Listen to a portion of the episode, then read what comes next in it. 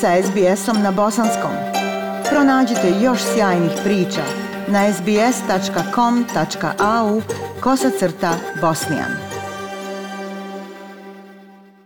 Australski pravni sistem može biti zbunjujući za obične ljude, a stručna pomoć će im vjerovatno biti potrebna kako bi saznali šta treba da urade, šta da poduzmu ili koje dokumente treba da prikupe ali s obzirom na to da advokati naplaćuju stotine dolara honorara po jednom satu, ne može svako sebi priuštiti da traži pravdu. Saznajte gdje i na koji način možete pristupiti besplatnoj pravnoj pomoći. Osobe u nepovoljnom položaju kojima je potrebna pravna pomoć mogu potražiti i pomoć od organizacije Legal Aid u svojoj državi ili teritoriji. Profesor prava na Univerzitetu Monash, dr. Jeff Giddings, kaže da Legal Aid ima vrlo ograničena financijska sredstva, tako da ne mogu pomoći svima koji trebaju pravnu pomoć i moraju odlučiti koje slučajeve će prihvatiti.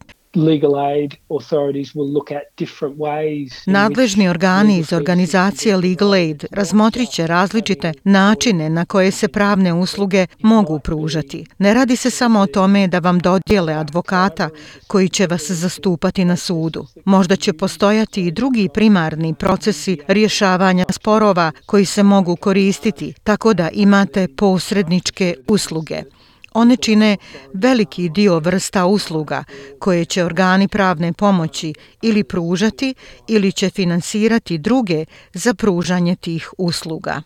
Da biste pristupili pomoći koju pruža Legal Aid, morate se kvalifikovati kroz takozvane Means and Merit testove koji sagledavaju vaš prihod i imovinu i vaše pravno pitanje, bilo da se radi o krivičnom, građanskom ili porodičnom pravu. Pojedincu su možda potrebne samo pravne informacije ili konkretan savjet o pravnoj stvari ali ako je nekome potrebno pravno zastupanje na sudu, mora se prijaviti za dodjelu pravne pomoći. Profesor prava sa Univerziteta u Sidneju, Simon Rice, kaže da većina osoba sa prosječnim primanjima nema pravo na grantove za pravnu pomoć, odnosno ne prolaze Means and Merit testove. Profesor Rice je analizirao australsku nacionalnu statistiku pravne pomoći i otkrio da između jula 2020. i maja 2021. godine je 65% ovih grantova otišlo muškarcima, a 33% ženama.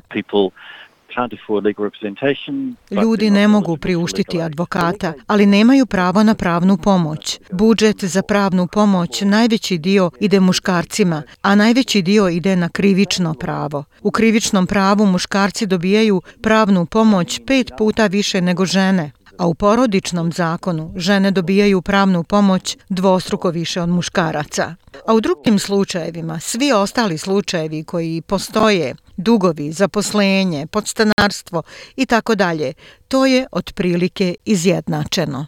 Dakle, generalno, muškarci dobijaju dvostruko više pravne pomoći nego žene širom zemlje 170 nezavisnih, neprofitabilnih pravnih centara koji pružaju besplatnu pravnu pomoć, uključuju davanje informacija, preporuke, pravno obrazovanje, savjete, rad na predmetima i usluge zastupanja pred sudom. Izvršni direktor nacionalnog vrhunskog tijela Community Legal Centers Australia, Nasim Araj, kaže da su pravni centri u zajednici raspoređeni u zajednicu i da imaju jaku mrežu sa službama lokalne zajednice.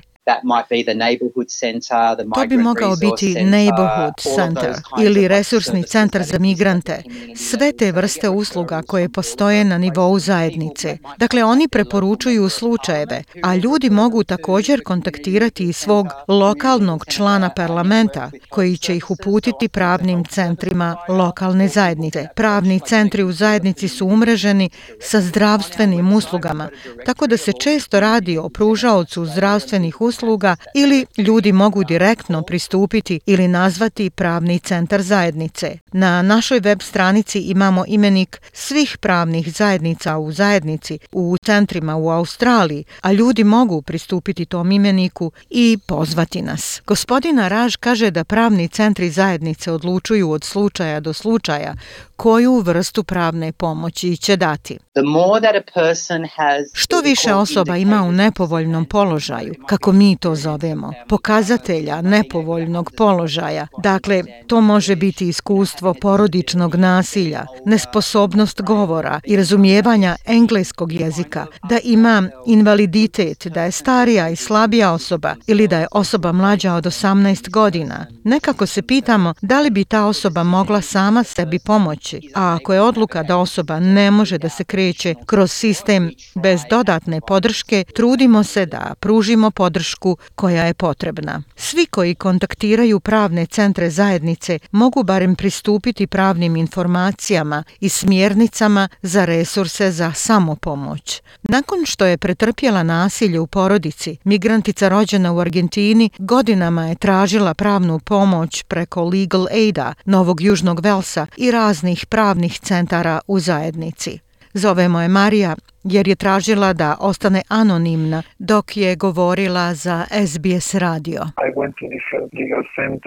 Išla sam u različite centre za pravnu pomoć. Bila sam i u društvenim centrima. Morate zakazati jedan sat kod Legal Aida i otići tamo. Stvarno nisam imala dobro iskustvo s njima u pristupu ovim uslugama. Advokati govore na nerazumljivom jeziku. Ono što im nedostaje je kako komunicirati sa običnim čovjekom. Dakle, oni govore tehničkim jezikom.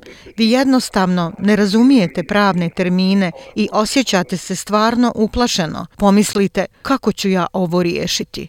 Ženska pravna služba Viktorije pruža besplatne pravne usluge ženama koje se suočavaju sa poteškoćama u rješavanju pravnih pitanja koja proističu iz prekida veze ili nasilja u porodici. Izvršna direktorica Helen Matthews kaže da zbog ograničenog finansiranja organizacija može pružiti pravne savjete i zastupanje samo malom broju žena. We are very, uh, you know, Znate, veoma smo izbirljivi ako želite, vrlo strogi u pogledu toga koga preuzimamo. Ali zapravo moramo pomoći onim ženama za koje mislimo da su najmanje sposobne da se same snađu u pravnom sistemu sistemu. Naša organizacija je raspoređena na nekoliko različitih stvari. S našim klijentskim radom nešto od toga je posao dežurnog advokata koji je na sudu. Tako da smo svaki dan na sudu u Melbourneu na listi nasilja u porodici. A sada da li su žene pogođeni članovi porodice, pa su one osoba koju policija pokušava da zaštiti iznošenjem naloga ili podnosioce zahtjeva kao počinioca, obezbijedit ćemo za takve žene besplatno zastupanje na sudu. Širom zemlje, na građanskim i civilnim sudovima, svako se može obratiti dežurnom advokatu za pomoć ako tog dana ima neki spor na sudu, a nema advokata. Njihova usluga je besplatna, međutim dežurni advokati mogu pružiti samo ograničenu pomoć tokom dana. Ako je vaš problem složeniji, dežurni advokat vam može pomoći da pomjerite pojavljivanje pred sudom za kasniji datum.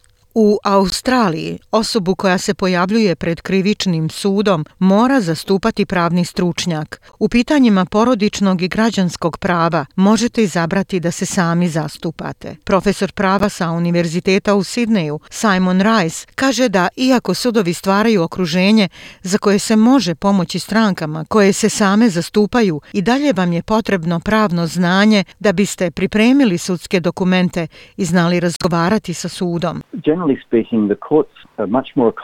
Generalno govoreći, sudovi su mnogo susretljiviji nego što su bili samo zastupnici, ali postoji granica do koje sudija može pomoći, jer bi sudovi trebali biti nezavisni. Dakle, koliko god je to moguće, sudovi stvaraju okruženje kojim se može upravljati, ali to ne ide daleko. Nije bitno koliko je sud ugodan. Zakon se služi jezikom koji je visoko tehnički i to je prva tačka. A druga stvar je da je postupak kontradiktoran. Vi se zapravo nadmećete s nekim, a drugoj strani će biti dozvoljeno da uradi skoro sve što je legalno da dobije slučaj. Dakle, vi se morate nositi s neprijateljskim protivnikom i tehničkim pravnim sistemom. Profesor prava dr. Jeff Giddings kaže da Univerzitet Monaš vodi program pomoći u porodičnom pravu koji je osmišljen da pomogne osobama koje se same zastupaju u parnicama u vezi sa porodičnim pravom. Drugi australski pravni fakulteti koji nude takvo iskustvo su Griffith University, Deakin University, Bond University i još neki drugi. U pravnim klinikama pod nadzorom kvalifikovanog i iskusnog pravnika studenti besplatno pružaju znanje i podršku o pravnom procesu i sudskim postupcima. Postoji širok spektar web stranica koje pružaju besplatne pravne informacije koje će vam pomoći da se snađete u sudskom sistemu.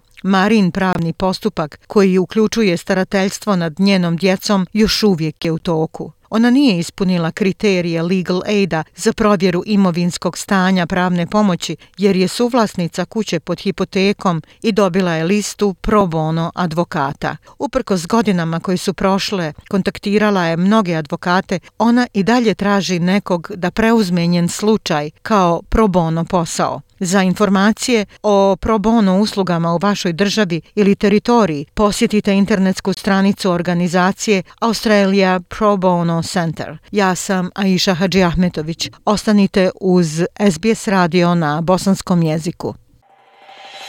SBS na bosanskom. Podijelite naše priče preko Facebooka. Želite poslušati još ovakvih priča? Slušajte preko Apple podcasta, Google podcasta, Spotify ili kako god da primate svoje podcastove.